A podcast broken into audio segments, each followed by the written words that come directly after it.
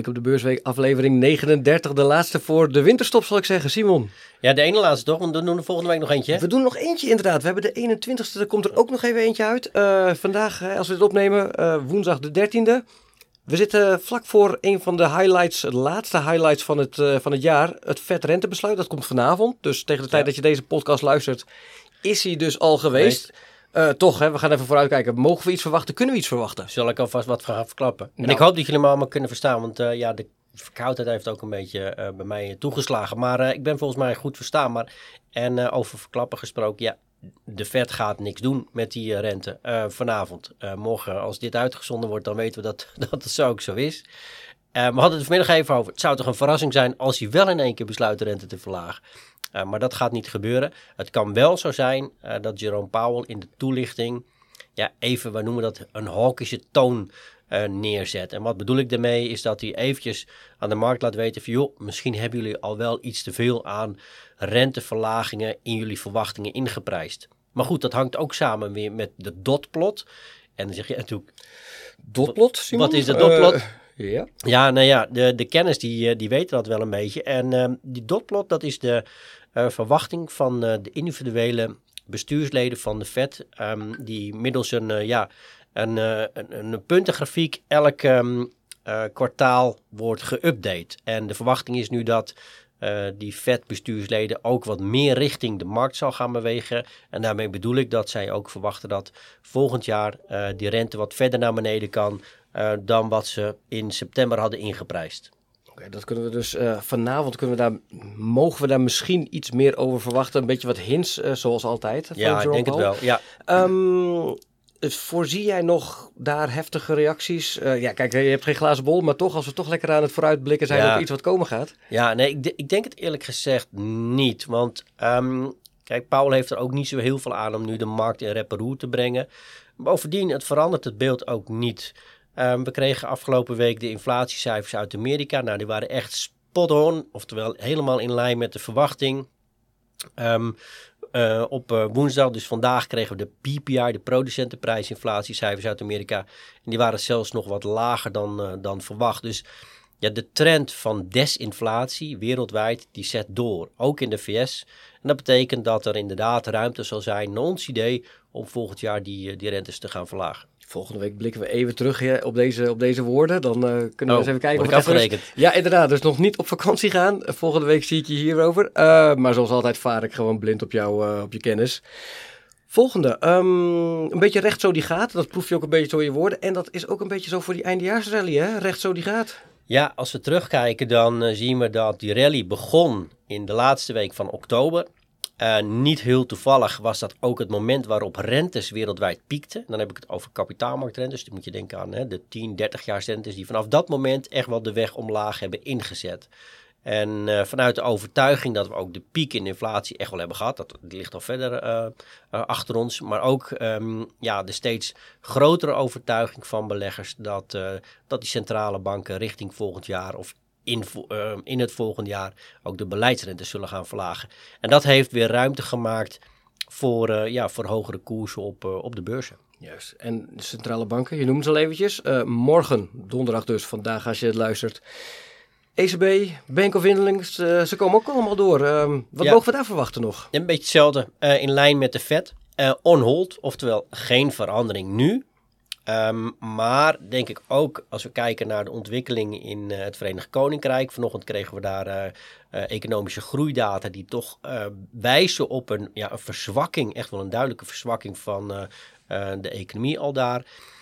Ook de inflatie die daar de goede kant op beweegt, dat, dat zal volgend jaar leiden ook tot renteverlagingen door de Bank of England. Nu dus nog niet. En wellicht dat ze daar ook in de reactie zullen gaan zeggen: joh, we vinden het nu nog te vroeg om daarover te discussiëren. Dat zal allemaal wel, maar de beweging van de inflatie is echt omlaag. Dat geldt ook voor, voor de eurozone, um, waar um, de ECB morgenmiddag iets later met het rentebesluit komt en met diezelfde woorden waarschijnlijk het publiek zal gaan toespreken. Nou heb ik al begrepen vanuit de beleggingsvisie. En nogmaals voor de luisteraars, ing.nl slash beleggingsvisie. Daar kun je de visie van het ING Investment Office op komende jaar kun je daar bekijken. Uit die beleggingsvisie haalde ik dus al dat uh, de VS blijft voor het investment office hè, de place to be, laat ik maar even zeggen. Voor ons nog wel, ja. Inderdaad. Hoe kijken jullie naar het Verenigd Koninkrijk uh, voor komend jaar dus? Ja, het VK is niet als aparte regio opgenomen. Hè. We kijken dan naar Europa. En dan zien we wel dat Europa, ik noem net al eventjes, hè, de groeidata uit, uh, uit het VK, die waren echt wel nou ja, um, ik wil niet zeggen alarmerend, maar die vallen toch wel tegen. Hetzelfde geldt voor Europa. Mhm. Het enige is wel dat als je kijkt naar de waardering voor de Engelse aandelen, ja, dan uh, zit er ook wel behoorlijk wat slecht nieuws ingeprijsd. Dat wil niet zeggen dat we nu in één keer uh, volle bak in, uh, in, in die aandelen zouden moeten stappen. Um, maar ja, er komt wel een moment dat er genoeg slecht nieuws is ingeprijsd. Dat geldt ook wel een beetje voor Europese aandelen. Als je die afzet qua waardering ten opzichte van bijvoorbeeld Amerikaanse, ja, dan lijken ze aantrekkelijk. Maar de trigger, dus zeg maar de katalysator om nu deze kant op te gaan, die ontbreekt eigenlijk nog. En we hebben echt nog wel een duidelijke voorkeur voor, uh, voor de groeiaandelen. Helder. Zoals gezegd, als ik dit en meer kun je allemaal nalezen ing.nl slash beleggingsvisie. De visie van het ING Investment Office op 2024. Um, ehm, tot zover dat. Ja, nog even die eindejaarsrally. Ja, dat gaat maar lekker door, hè? Ja, dat is um, nou ja, opvallend in die zin dat er, um, ondanks dat volumes, of eigenlijk uh, de volumes die, die nog gemiddeld hoog blijven en eigenlijk nog niet terugvallen, misschien vanaf volgende week. Hè, want er zullen toch steeds meer partijen de boeken dicht gaan doen en zal de liquiditeit wat opdrogen. Maar we zien toch elke dag ja, die stapjes omhoog gemaakt worden. En wat je een beetje merkt, en dat zien we natuurlijk ook in, eh, in de cijfers van, uh, van dit jaar tot nu toe, dat er relatief weinig geld nog naar de aandelenmarkt is gestroomd, ondanks het feit dat die uh, behoorlijk gestegen is. maar vooral is gestroomd naar geldmarktfondsen, oftewel ja, korte leningen waarop de rentes heel hoog zijn. Wij denken toch wel dat dat gaat veranderen. Uh, hetzelfde geldt voor uh, uh, kapitaalstromen richting obligaties, die er dit jaar eigenlijk ook nog niet of nauwelijks zijn geweest. En dat men vanuit die cash, vanuit die money markets, toch richting de aandelen slash obligatiemarkt zal stappen. En dat is denk ik een van de belangrijkste drijvers ook, dat er nog steeds ja, een relatief groot aantal ook professionele partijen met nog een berg cash aan de zijkant zit en het zich ja, eigenlijk niet kan permitteren om niet mee te doen aan de rally. Dus dat kan het nog maar een beetje versterken. Maar goed, dat zullen we uh, de komende dagen, weken zien. Veel geld aan de zijlijn en we gaan zien of dat zijn weg kan vinden naar aandelen en obligaties. We gaan het meemaken de laatste paar weken van het jaar en natuurlijk het hele volgende jaar. Um, iets wat wat minder lekker gaat, of hè, wat de andere kant op gaat. Olie. Ja, de olieprijs is uh, bezig aan een um, behoorlijke correctie. Zeker vanaf uh, de piek vlak na de inval van uh, Hamas in, in Israël. Hè. Wat was het? 7 oktober. In die week daarna ging de olieprijs omhoog. vanuit de vrees um, dat um, ja, het verder zou gaan escaleren in het Midden-Oosten. Met Iran erbij en Saudi-Arabië en zo. Nou, dat is niet gebleken. Je ziet wel nu dat die speculatieve posities die destijds zijn ingenomen, en eigenlijk daarvoor ook al, dat die wel wat worden teruggedraaid. Eigenlijk omdat ja, er geen gebrek aan olie is. Hè. Er is meer supply, er is meer um, aanvoer van olie dan vraag. Uh, met name in de VS zien we dat daar um, de olieproductie op, uh, op een heel hoog niveau is. En uh, Amerika voor een record van, wat is het, ik meen 6 miljoen vaten per dag alleen al exporteert naar de rest van de wereld. Nou, tel daarbij op hè, dat de groeiverwachting voor de wereldeconomie voor volgend jaar wat lager is dan voor dit jaar. Dat China nog niet super goed draait ja, eh, er is geen gebrek aan olie, er is te veel. Ook omdat de OPEC Plus landen wel gezegd hebben dat ze hun productie um, uh, zullen gaan terugschroeven. Maar er grote twijfels zijn of ze dat wel hebben gedaan. Ja, en dan zie je dat, uh, dat het heel snel de andere kant op kan gaan. En dus naar beneden met lager olie, maar ook gasprijzen bijvoorbeeld als, als gevolg. En dat is niet alleen gunstig voor ons als um, consument, hè, want we houden wat meer geld over om, uh, om aan iets anders te besteden, maar ook voor de inflatiedruk, omdat energie uh, toch een behoorlijke component is in, uh, in de inflatiegraadmeter. En als dat afneemt, ja, dan, ja, dan neemt de inflatie af en kunnen rentes uiteindelijk ook wat verder naar beneden. Hoe zien jullie de energiemarkt volgend jaar? Ja, dat is echt ja, ik moet zeggen, koffiedik kijken, dat is natuurlijk uh, uh, vaak. Um, ook omdat die, uh, die grondstoffenprijs, in dit geval olie, um, voor een belangrijk deel ook door speculanten uh, wordt uh, uh, bepaald en niet zozeer door een verandering dag op dag van vraag en aanbod.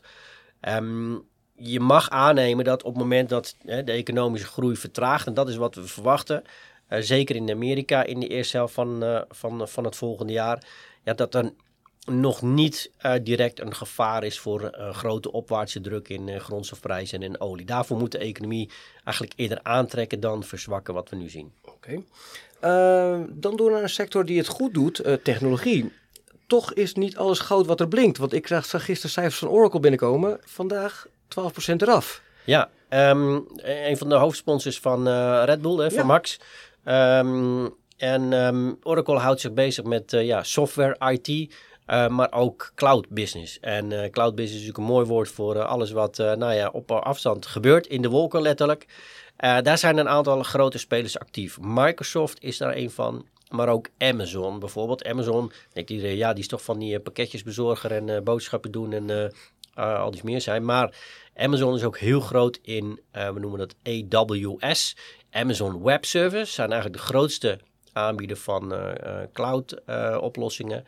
Um, en als Oracle, um, ja, die zit daar een beetje tussen of uh, die uh, zit daar wat onder. En um, wat ik wil zeggen is dat de concurrentie op dat gebied bijzonder sterk is. En als je dan uh, ja, niet precies op het goede moment op de goede plek zit of met de goede oplossing komt richting klanten, ja, dan zie je ook dat je zomaar hard afgestraft kan worden als de verwachtingen hoog gespannen zijn. En dat was bij Oracle het geval.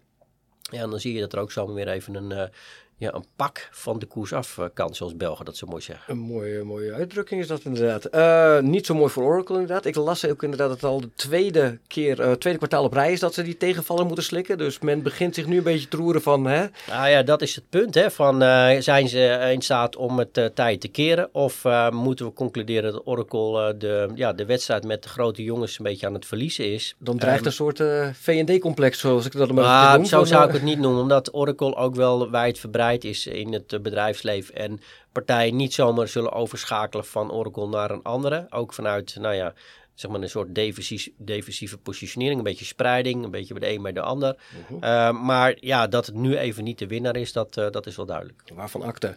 De agenda voor volgende week. Dus de laatste ja, echte week dat wij er nog zijn. Maar ook een beetje de laatste echte serieuze handelsweek van het jaar. Hè? Nee, precies. Nou, dan hebben we de, de centrale banken hebben we dan al, uh, al deze week gehad. En dan hebben we voor uh, de vrijdag, um, dus vlak voor het weekend, krijgen we nog wel wat uh, cijfers uit, uit China.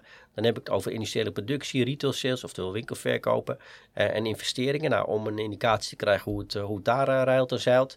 Zoals gezegd, valt het tot nu toe wat tegen, maar de verwachtingen zijn toch wel uh, wat, uh, wat beter. Dus nou, kijken of dat uitkomt. en ook op vrijdag krijgen we voorlopige inkoopmanagers indices van Frankrijk, Duitsland en de eurozone.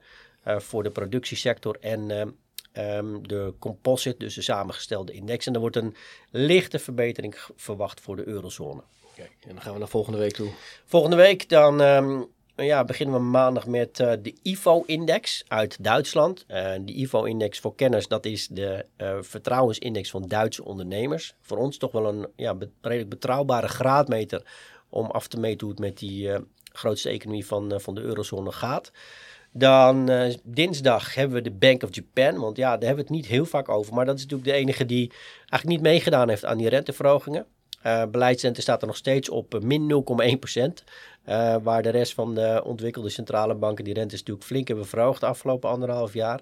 Wordt verwacht dat die ook niet aangepast gaat worden. Maar kun, misschien... kun je nog even heel kort even erbij stilstaan waarom dat is? Hoe, hoe zit dat? Waarom? Ja, Japan is natuurlijk het land waar eigenlijk al, uh, wat is het, 30 jaar geprobeerd werd om die inflatie um, een duw omhoog te geven. Want inflatie, een beetje inflatie is belangrijk omdat je daarmee uh, consumenten en bedrijven aanspoort om te gaan investeren en niet af te wachten. Af te wachten.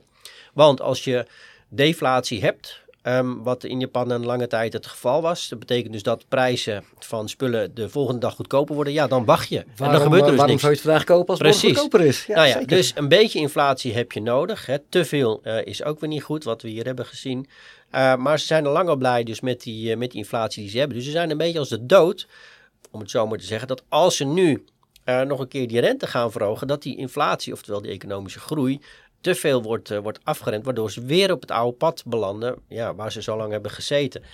Ik denk eerlijk gezegd dat ze ja, weinig momenten meer zullen hebben om, uh, om die rente te verhogen. En dat Japan ja, is een structureel um, laag groeiland, uh, omdat de vergrijzing daar enorm toeslaat, de productiviteitsstijging niet genoeg stijgt om dat te compenseren. Uh, waardoor je ja, niet anders kunt verwachten dan lage economische groei en ook lage inflatie. Tenzij er externe schokken zijn, wat we de afgelopen jaren hebben gezien met energieprijzen. Wat ook door heeft gewerkt in, uh, in Japan. Uh, maar ja, dat, dat gaat er nu alweer uit, zoals we zien in de rest van de wereld. Dus dat zal Japan niet, zal Japan niet onderuit kunnen komen. En vandaar ook dat we denken dat ze ja, dat ruime monetaire beleid gewoon blijven continueren. Uh, lees ik hier ook tussen de regels door. Voor beleggers niet bijster interessant dus? Nou ja, de Japanse beurs heeft het wel goed gedaan dit jaar. Dat moet gezegd worden. Voor een belangrijk deel um, te danken aan de zwakkere yen. Japan is een exportland, dus op het moment dat de yen goedkoper wordt, worden Japanse spullen relatief aantrekkelijk. uh, maar zelfs gecorrigeerd daarvoor zien we dat de Japanse beurs wel een, uh, een inhaalslagje heeft gemaakt. Maar een structurele groei, ja, eerlijk gezegd, ik zie dat niet zo zitten voor Japan. Tenzij ze echt een ander immigratiebeleid gaan voeren. Uh, maar nu zijn Japanners nog erg huiverig voor om uh, mensen toe te laten op hun eiland. Juist. Tot zover Japan. Door naar de agenda. Ja, um, we hebben woensdag uh, inflatiecijfers uit het Verenigd Koninkrijk. Nou, wat ik net al zei, daar wordt verwacht toch dat die de richting op wijst zoals we dat in de rest van de wereld zien omlaag, althans uh, desinflatie betekent lagere inflatieniveaus. Dan hebben we ook nog uit Amerika woensdag de uh, vertrouwensindex van de Conference Board. Niet onbelangrijk, omdat ja, um, vertrouwen van consumenten natuurlijk een, um, een indicator kan zijn in hoeverre ze geld uitgeven. Moet wel bijgezegd worden dat het niet altijd een, uh, een hele sterke correlatie is tussen vertrouwen en wat ze daadwerkelijk doen. Maar toch even om, om in de gaten te houden. Donderdag de wekelijkse WW-aanvraag in de VS. Ja, we zien eigenlijk nog weinig verzwakking van die arbeidsmarkt in de VS. Heel bijzonder, maar, uh, maar het is een feit. Uh, betekent ook dat die recessie die al heel lang verkondigd werd, dat die er nog steeds niet is, omdat die arbeidsmarkt sterk blijft. dan hebben we ook de, ja, de PCE um, inflatiecijfers over het derde kwartaal. Nou, die moeten dan bevestigen dat de VS op de goede weg is, zoals al eerder gezegd. En dan, uh, nou ja, volgende week vrijdag, maar daar komen we misschien volgende week ook nog even op terug. Dan krijgen we de PCE Deflator van november. En uh, dat is de favoriete inflatiegraadmeter waar de Fed naar kijkt en hun uh, beleid mede op baseert. Dus eh, ja, um, boeken kunnen nog niet helemaal dicht. we zijn er gewoon volgende week ook weer en ongetwijfeld met nog wat nieuws. Simon, ik had de show niet beter kunnen afsluiten. Dankjewel man voor deze week en tot volgende week. Tot volgende week.